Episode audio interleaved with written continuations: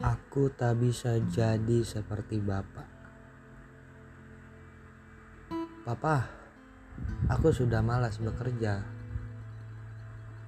Ayah, aku butuh rebahkan lelah. Bapak, nak, jangan kalah. Hidup di zamanmu kini makin susah. Jaga tata krama dan belajar menerima. Bapak akan terus berdoa.